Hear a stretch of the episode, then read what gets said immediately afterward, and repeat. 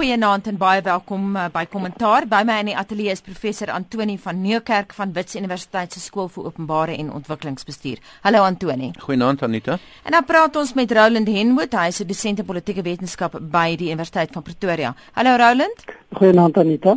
En uh, ons is goed geografies verteenwoordig vanaand. Ons praat ook met professor Amanda Gous by die Universiteit van Stellenbosch. Hallo Amanda. Goeienaand Anita. Ons het nou nie 'n joernalis op die paneel nie, maar Roland gee gou vir ons die paneel se nuuskeuses vir die week. Anita, die nuuskeuses uit die aard van die saak baie aandag aan Obama se besoek, die gebeure daar rondom en dan ook so 'n kykie na wat is besig om rondom uit president Mandela te gebeur, die nuutste gebeure rondom Nkandla, die private woning van president Zuma. En dan die voortsleepende storie van myngeweld in Suid-Afrika. Ons kyk bietjie na die politiek in die Weskaap of soos dit nou gedoop is die toiletpolitiek in die Weskaap en dan die belangrike uitspraak in die konstitusionele hof teen die Zimbabwese regering oor sy grondhervormingsbeleid. En dit raak natuurlik ook Suid-Afrikaanse boere. Ja, dit raak ook boere in Suid-Afrika wat idee beïnvloed is. Kom ons begin by uh, Madiba. Ons het hierdie week 'n baie kwaai aanval gesien teen die media deur Makaziwe oor die hantering deur die media van die hele storie. Vir my baie interessant. Ek het 'n paar onderhoude gevoer met Agence France Presse se bureau hoof. Hulle het 14 ekstra mense hier en die oomblik as hy dood gaan vlieg hulle nog 5 in van Parys. Ek het gepraat met Al Jazeera. Hulle het ekstra mense hier en die oomblik as hy dood gaan vlieg hulle nog mense in van Doha. Reuters het 10 ekstra mense hier en en uh, die Reuters hoof van hulle TV afdeling het vir my gesê niemand van ons het verwag hierdie storie gaan so duur word nie. Die aanvanklike begroting was vir 10 tot 12 dae. Van hierdie buitelandse joernaliste is al meer as 3 weke in die land. Kom ons begin by jou Antoni.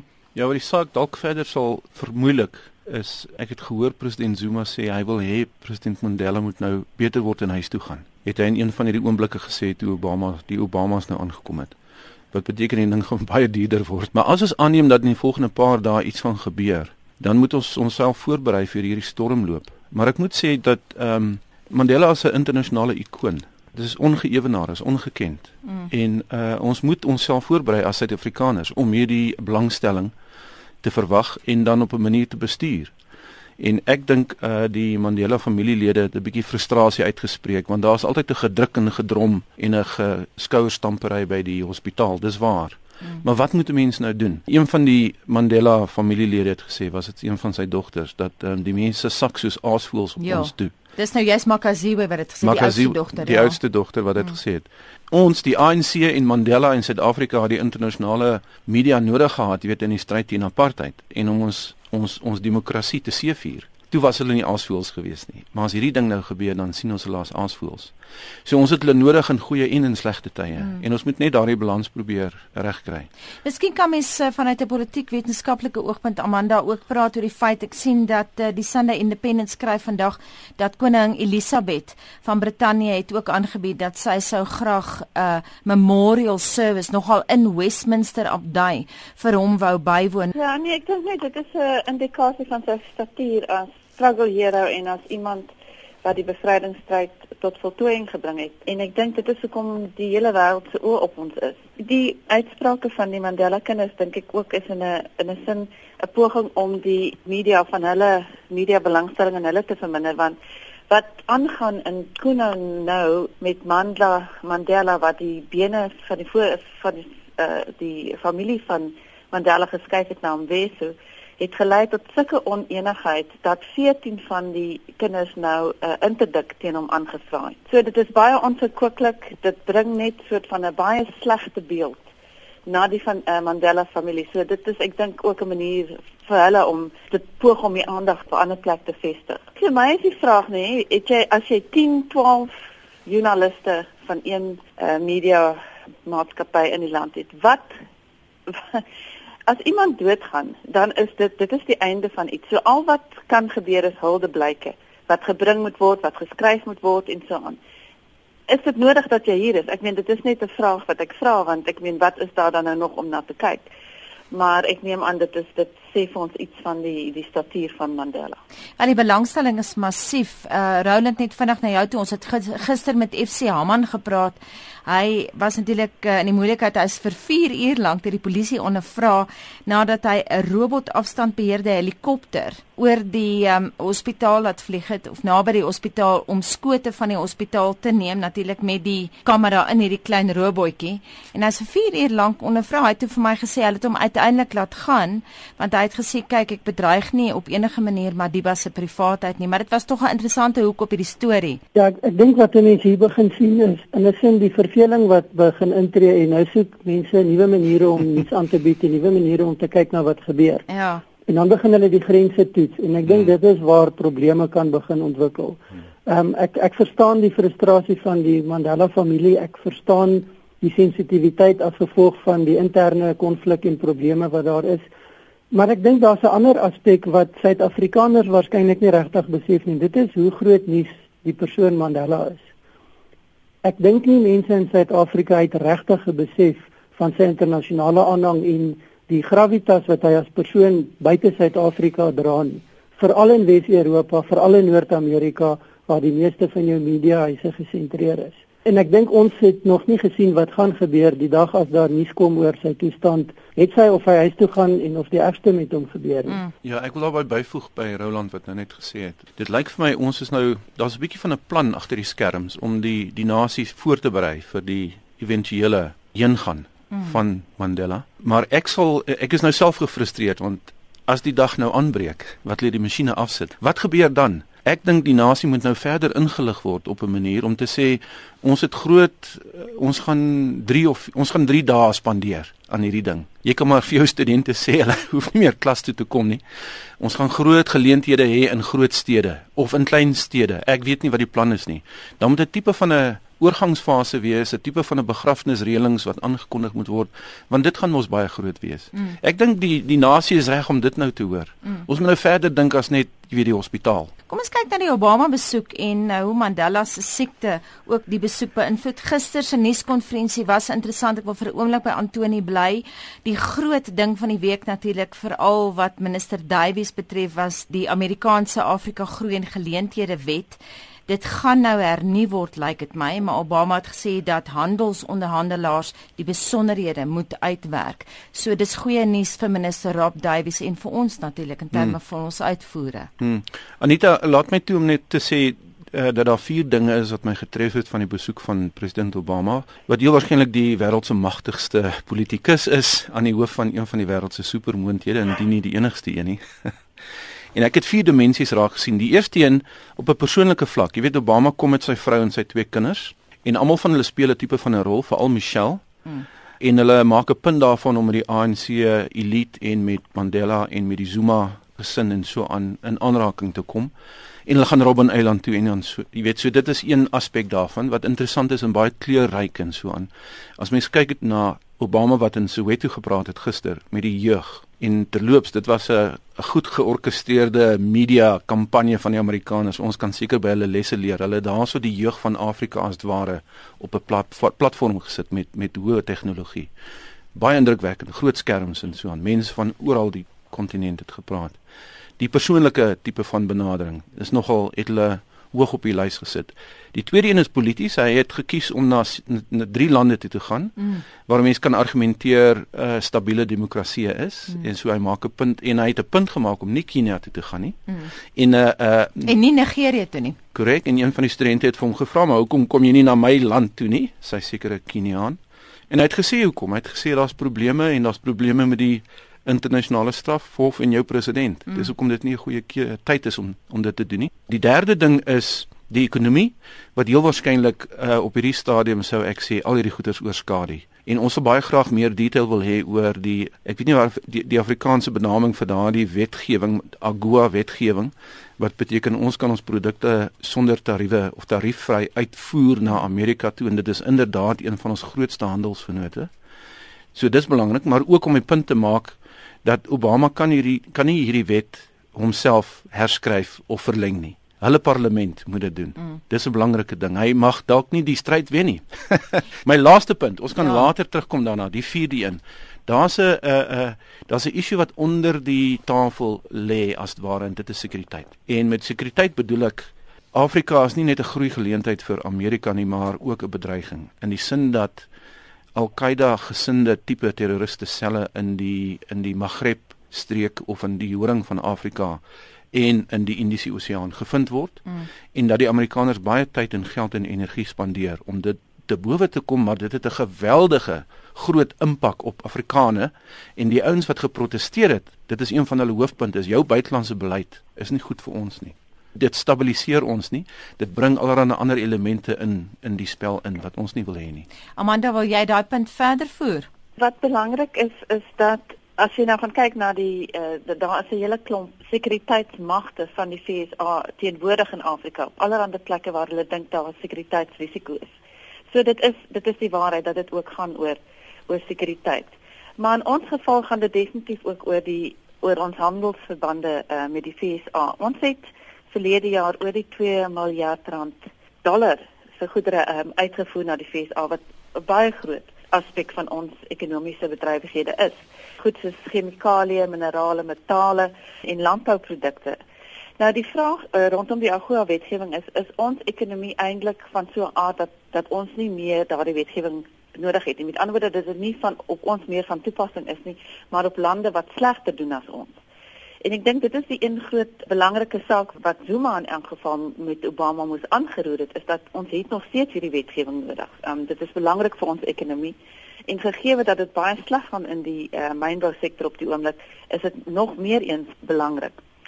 Ek dink wat ek jammer vind um uh, rondom die Obama se besoek is die optrede van Suid-Afrikaners wat weet om 'n oorlogsmisdadiger noem wat hom in dieselfde asem soort van sit as Omar al-Bashir wat 'n uh, oorlogsmisdadiger is as Charles Taylor en so aan. Ek dink dit is 'n ongelooflike belediging vir Obama. Want ek dink as ons gaan kyk na die belangrikheid van hom wat die eerste swart Amerikaanse president is en hoe moeilik dit is vir swart vir Afrika Amerikaners om basies suksesvol polities te wees.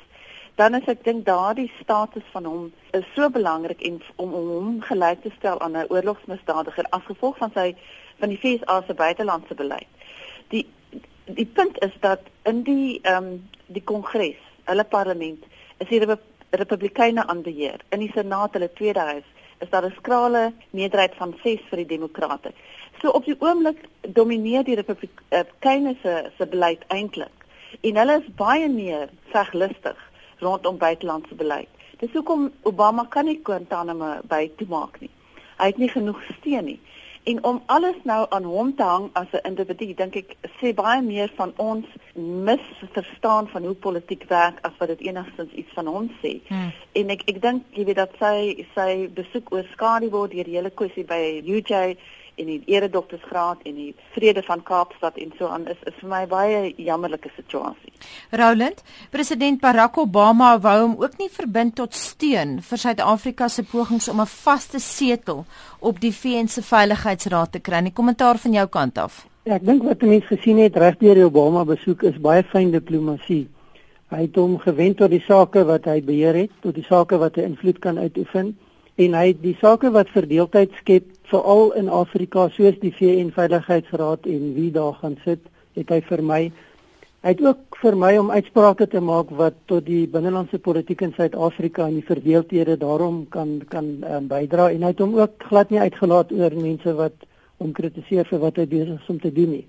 Wat hy wel gedoen het om te sê hy is die president van vrede. Hy wil oorlog laat ophou. Hy het dit in sy toespraak gesê en hy het dit ook met die studente aangeraak dat hy is die president wat wat oorlog stop en wat sy troepe onttrek en wat met vyandige magte begin onderhandel.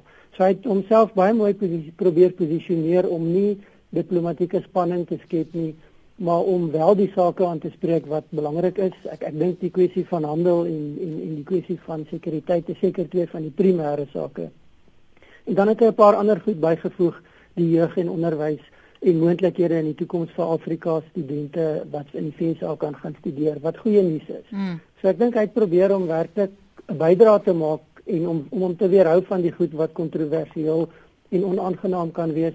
Ook die wyse waarop hy die hele Mandela situasie hanteer het. Mm. Het het gedui dat hy baie fyn ingestel is en dat die advies wat hy kry baie akkuraat is in terme van waar hy wat hy nie moet doen nie en wat hy nie moet probeer bereik nie. Mm, mm. Jy bedoel geen hospitaalbesoeke en so nie. Ja, niks van die aard nie en ook nie te veel uitbrei oor wat daar gebeur nie, maar fokus op die positiewe en gebruik dit om ook en baie belangrik om homself te vestig as iemand wat 'n saak het met Afrika wat die belang van Afrika op die hart dra. Hy het nie gekom en China gekritiseer nie, wat hy welkom doen het is om te sê vra vrouer wat China besig is om te doen op die langtermyn doen en vergelyk dit met wat ander doen. En dit is 'n baie mooi manier om jou boodskap oor te kry en mense te laat begin dink oor waarvoor jy nou eintlik hier is. Antonie luister nou so aandagtig na jou. Ek Ja, ja. kan sien jy wil iets sê. Ek stem saam, maar ek verskil ook. ek dink hy het China gekritiseer op 'n diplomatieke manier. Weet jy uh, Anita, ek moet vir jou sê as mens kyk verby die gesofistikeerde manier waarop die Amerikaners 'n besoek laat plaasvind en hoe hulle in totale beheer is van van die man se agenda en waarna toe hy gaan en hoe hy dit doen. Dis ongelooflik. Dis nou werklik waar die supermoondheid wat hmm. vir ons Hulle vat oor by die gasheerland. Absoluut, absoluut. As jy daardeur probeer kyk, dan moet ek vir jou sê, uh Obama en sy administrasie en Amerikaners oor die algemeen is harde realiste. Uh uh die man is pragmaties. Hy's nie Suid-Afrika se natuurlike vernoot nie. Hy's nie ons maatjie nie. mm. Hy weet en hulle weet dat ons bitter graag op die die sekuriteitsraad van die Verenigde Nasies wil hervorm sodat daar Afrika verteenwoordiging kan opwees en ons ons ministerie van buitelandse sake draai nie doekies om nie. Ons wil graag daar wees. Ons doen wat Obama gesê het die kriterium is om daar te wees. Jy kan nie net by die tafel sit en help besluite neem nie. Jy moet nou tot aksie oorgaan. Met ander woorde, jy moet jy moet put your money where your mouth is. Ons het nie probleme daarmee nie en die Amerikaners weet dit. Nogtans kan Obama dit nou nie oor sy hart kry om vir ons te sê ons gaan julle ondersteun in hierdie doel in hierdie mm. kampanje van julle nie. Hoekom? Omdat Obama kyk na Nigerië, hy kyk na Angola, hy kyk na Egipte, hy kyk na Kenia. Hy het ander Amerika het ander strategiese belange in Afrika. Ons is een van 3 of 4 sleutellande. Ons is nie die enigste een nie. Hy weeg op, jy weet wat ons na die tafel toe kan bring versus wat die ander olieryke en strategies geposisioneerde lande kan bring na die tafel. Hoekom was hy nie in Nigerië nie? Dis 'n goeie vraag. ek weet nie heeltemal hoekom nie. Ek dink as hy Nigerië toe gaan, sal hy moet bond staan want daar's 'n klomp probleme daar plaaslik. Uh en ek weet nie of hy betrokke wil wil raak daarin nie. Byvoorbeeld, ek die, die groot probleem in Nigerië is hierdie uh spanning tussen die suide en die noorde wat rondom 'n moslim verdelingslyn gaan en daar's ook 'n ideologiese verdelingslyn.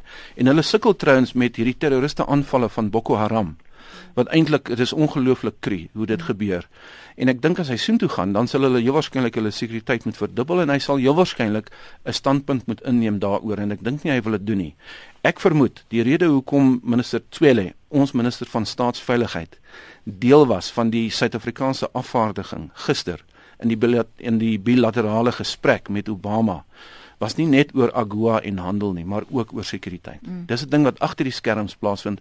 En as as mense wat nou luister die tyd kan kry om na die Mail and Guardian te gaan want hulle het 'n uittreksel of 'n byvoegsel van ek weet nie 20 bladsye wat gaan oor terror in Afrika. Dan is dan sal jy agterkom dit is 'n ongelooflike komplekse posisie. 'n uh, scenario wat, wat ontvou. En die Amerikaners dra daartoe by. Hulle maak nie die lewe makliker vir ons nie. Obama wat 'n man van vrede is, ontplooi hierdie sogenaamde onbemande vliegtye wat drones is. Nie net in die Midde-Ooste nie waar die ding gebruik word om mense uit te haal nie, maar nou ook in Afrika. So ons sukkel met hierdie tipe van goederes. Ons weet nie mooi om hierdie magtige superpoon supermoondheid te hanteer nie. Ons gaan met aanbeweeg na ander stories toe, maar ek wil vinnig uh, terugkom na jou toe Amanda en aanhaal uit Business Day wat in 'n hoofartikel donderdag geskryf het. Ook dit sluit aan by wat Antoni gesê het oor hoe magtig Amerika nog is. To misquote Mark Twain reports of the US's demise have been greatly exaggerated. The US train is the one to be boarding, not abandoning. Ja, wel, jy weet, ek dink ons het nie uh, veel van 'n keuse as om goeie verhouding met Amerika te hê nie omdat dit so 'n belangrike handelsvernoot is nie. Maar ek dink ook dat die die belang van van die besoek is dat Obama drie lande gekies waarvan Suid-Afrika een is en ek dink in terme van die sekuriteitsrisiko's is Suid-Afrika is of die, is, is Sub-Sahara Afrika minder van 'n risiko as as in die noorde waar soos Antonie uitgewys het hierdie verdeling tussen eh uh, die moslems en en en so aan waar waar daar ook Al-Qaeda terroriste huisves word en so aan. Maar dit sê ook vir ons hy is in die tweede fase van sy presidentskap. En uh, dit is uh, blyk dat presidente altyd as hulle in hulle tweede fase is, dan word Afrika belangriker want dan het hulle basies niks meer om te verloor nie en hulle kan basies met hulle beleid in in Afrika werk.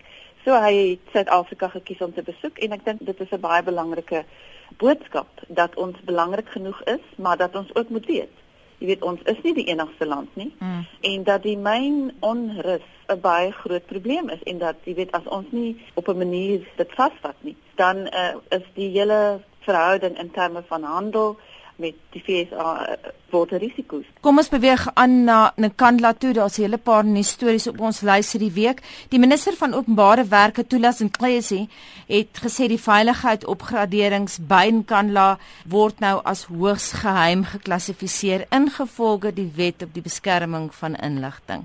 Nou ja, ons weet hoe die media hoe ons hierdie wet teengestaan het. Ons weet die die kontroversie, die omstredenheid rondom dit. Kom ons praat gou-gou met jou Roland. Baie kritiek hierdie week gewees en dan stel ek sinies gevra deur party koerante hoekom die aankondiging hierdie week maak wanneer alle oë op Madiba is en almal besig is om te praat oor die Obama besoek. Ja, dit kan wees dat dit ehm um, so beplan is, maar ek dink daar's 'n ander aspek en dit is dat die openbare beskermer gaan haar verslag eersdaags vrystel en dit kan wees dat dit 'n poging is om haar voor te spring. Hm. Ehm um, want sy het aangedui dat sy op die einde van die proses is en sy alreeds ehm um, ek dink hierdie week beplan om voorlopige aankondigings te maak van haar bevindinge. En ek dink hierdie hou dalk eerder verband om haar te probeer onder druk plaas en te probeer keer wat sy gaan sê as wat dit enigins nie met die Obama besoek verband hou. Nee, ek wonder maar net wat ek wil vinnig die Citizen aanhaal donderdag in 'n hoofartikel. It's an outrageous decision that has fallen under the radar because of the overwhelming media interest in the condition of Nelson Mandela. Ek dink sekerlik het die die, die media aandag op Mandela en op Obama gehelp om die aandag af te trek en dit makliker te maak, maar ek vermoed dat dit is 'n uh, eintlik gemik op die openbare beskermer se aankondiging. Antoni, wie vinnig daarbey aansluit en beweeg ons aan 'n myngeweld toe. Ja, ek dink ek dink Roland is reg. Ons moet maar net wag vir die aandag om weer terug te skuif na ons nasionale politiek toe. En ek moet vir jou sê dit lyk vir my om die Nkandla verslag as hoogs geheim te klassifiseer is maar 'n deursigtige poging van die regerende party om 'n gekonkelry toe te smeer.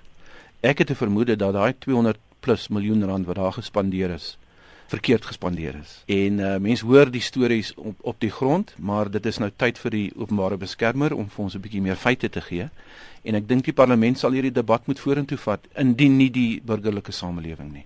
Amanda? Ja, wel, ek dink die die vraag wat gevra moet word en dit is al gevra, hoekom is Nkandla 'n sleutelpunt? Mm. Nee, dit is die president se privaat woning. Um En en ons sien nou ons het almal voorspel dat hierdie wet, die inligtingwet, gaan gebruik word om goed toe te smeer. Blykbaar is is dit nog nie onder hierdie wet gedoen nie, maar nog oor die onder die 1982 wet. Mm. Maar die punt is mm. dat dit word reeds gebruik om inligting van die burgers te weerhou en ons as burgers is geregtig om te weet wat staan in daai verslag in terme van hoe die geld spandeer is. Dit hoef nie vir ons iets oor veiligheid te sê nie, maar dit ons is uh, die die die belastingbetaler het daai reg die openbare beskermer kan nie eers die verslag sien nie. Ek meen, so wat beteken dit dat daar in die toekoms besluite geneem gaan word deur 'n klein groepie mense in die sekuriteitskluster en niemand gaan enige oorsig daaroor hê nie en en niemand kan verantwoordbaar gehou word nie. Ek dink dit is baie gevaarlik. Ons moet kyk na die myngeweld. Kom ons uh, gee vir Roland 'n kans. Roland, daar's so baie om te sê. Ons sien dat uh, die goudprys daal. Ons sien die die rand doen baie swak. Alles is natuurlik vir gekoppel aan die ekonomie. Ons het gesien daar's probleme by Xstrata se steelpoortmyn in Limpopo. Ons sien nog steeds die geskille tussen NEM en AMKU duur voort en almal is bang vir 'n tweede Marikana. Ek dink die onderliggende dinamika is dat dit nou tyd is vir loononderhandelinge. Die vorige ooreenkomste het tot einde geloop. En dan moet ons onthou verlede jaar na die Marikana insident toe die AMKU sy eise gestel het, is gesê wag tot hierdie jaar wanneer die volgende onderhandelingssessie begin. Nou dit het nou begin en ek dink ons gaan sien dat dit 'n baie lewendige, ontwrigtende, hopelik nie gewelddadige proses gaan wees nie, maar ek dink ons gaan 'n uh, 'n uh, ander kyk op die mynbedryf kry as wat ons in die onlangse verlede gehad het. En dit gaan groot druk plaas op mynmaatskappye, dit gaan groot druk plaas op die Suid-Afrikaanse ekonomie.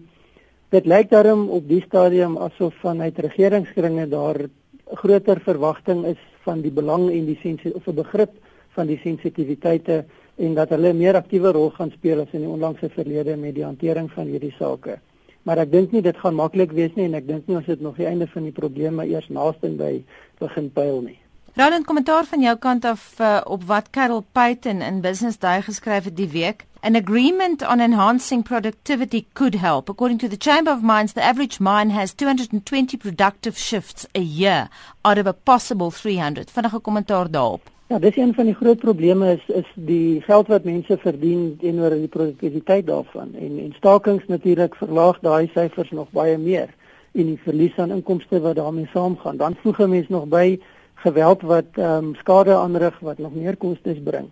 Ek dink wat ons hierna kyk is waarskynlik die die onderliggende beginsel is is dit nog die moeite werd vir mynmaatskappye in Suid-Afrika? Is dit nog die moeite werd vir myners in Suid-Afrika? En dit is twee baie ehm um, kraspunte om te maak, maar dit is ek dink hoe ver dit gegaan het en hier sal baie harde besluite geneem moet word, maar koelkop besluite. Mm. van van beide die die die rolspelers, die primêre rolspelers, arbeid en die mynhuise self. Ehm um, anders gaan ons waarskynlik langtermynskade aan ons ekonomie aanrig. Antoni. Ja, die mynbedryf is baie belangrike sektor van ons ekonomie. So die antwoorde is ja, ja, ons moet hierdie ding herstel aan die gang hou. Baie belangrik. Uh ek is bly om te sien dat die adjunk president betrokke is hmm. om die ding te stabiliseer. Dis belangrik, maar die die regering is nog in 'n war oor hoe om moontlike toekomstige geweld reg te hanteer. Een van die ministers het so 2 weke terug gesê ons moet die weermag ontplooi in 'n vredesoperasie. Kan jy mm. dit onthou die Ja, ons het daaroor gesels ook. Ja, ja, ja. Groot fout. Dis 'n dis 'n misverstaan van die rol van die weermag. Sê ek dink dit moet gebeur nie en ek het uh, onlangs hierdie week met 'n senior polisie amptenaar gesels en vir hom gevra Ehm um, wat is die lesse te leer uit Marikana vir julle ouens as dit kom by skadebeheer en geweld en so aan en hy sê ons sukkel nog om die lesse te leer en ons het nie noodwendig die regte kapasiteit nie, die reg opgeleide mense nie. So ek mense kan hoop en bid dat 'n tweede Marikana tragedie nie vinnig afspeel nie want die polisie is besig en moet ek byvoeg ons intelligensiedienste is nog besig om te herstel van wat van die skokgolf van mm. Marikana wat ontbloot het wat gewys het dat ons regtig waar nie uh, ons mense reg oplei as dit kom by die bestuur van geweld nie en krisishantering nie of krisisbesluitneming nie. So die ding is op 'n haarnaald gebalanseer. Dis hoekom die adjunkpresident, jy weet, daadwerklik moet ingryp en bly bly betrokke wees. Ons moet aanbeweeg na die Wes-Kaap toe. Kom ons kyk na die toiletpolitiek daar, Amanda. Jy sit in die Wes-Kaap, jy sit op Stellenbosch. Ek sien minister Aaron Motsoaledi het gesê ja, die toiletpolitiek dis onmenslik, dis onlogies en dis 'n aanval op die samelewing as geheel. Ons sien nou dit kring uit. Ons het gesien wat by Kaapstad internasionaal gebeur het. Die nege betogers was daar in die hof. Gaan ons nou 'n tendens begin sien, Amanda? Wel, ek meen mense moet vra wat is die die agenda hier en die agenda wat my betref is 'n is 'n aanval op die die DA. Um om die Weskaap te destabiliseer. Ek meen oral in die land is daar toiletprobleme. En die ANC as as ons nou praat van swak dienslewering dan, dan rondom toilette dan is die ANC net so swak wat dit betref. Maar ek ek dink dit is 'n aanloop tot die verkiesing uh, in 2014 en dit is 'n jy weet 'n manier om die DA by te kom. Ek stem saam dat dit 'n baie ehm um, onaanvaarbare metode is want dit het ongelooflike gesondheidsrisiko's wanneer hierdie menslike afval in die openbaar gestrooi word. Die een probleem daar rondom blyk te wees dat hierdie toilette wat die DA verskaf het, uh, hulle hulle het dit geprivatiseer. Met ander woorde, hulle het 'n maatskappy wat dienste lewer en wat hierdie toilette dan op 'n gereelde basis skoonmaak.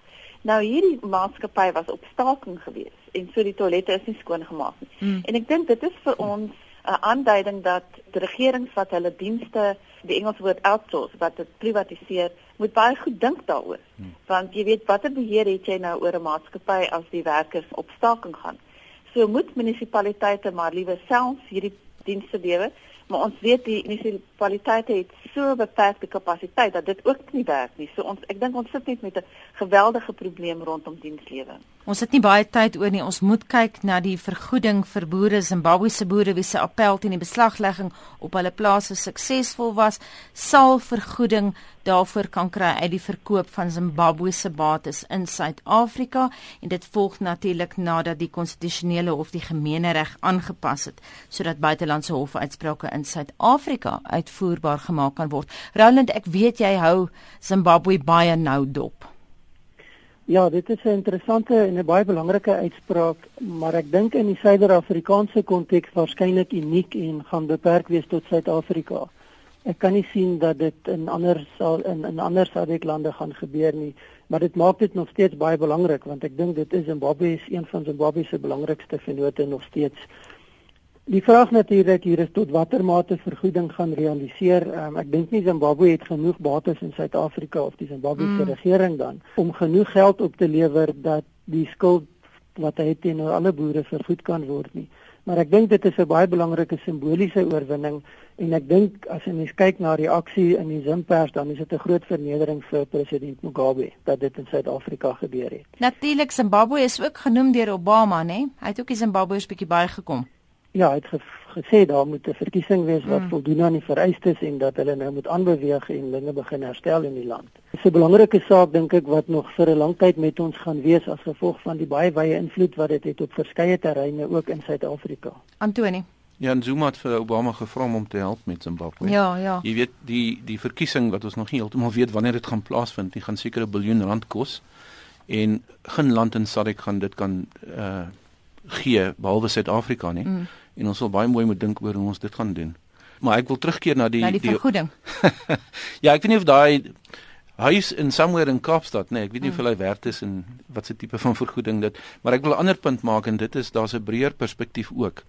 Jy weet een van die kritiese pilare vir streeksintegrasie in Suider-Afrika is nie net polities en ekonomies van aard nie of sekuriteitssamewerking nie, maar ook 'n regsbenadering en dit gaan oor soewereiniteit as lande begin saamwerk nouer en nouer saamwerk en as ware een word dan het jy inderdaad soos in ander plekke in die wêreld streke in die wêreld 'n meganisme nodig om te om om verskille by te lê.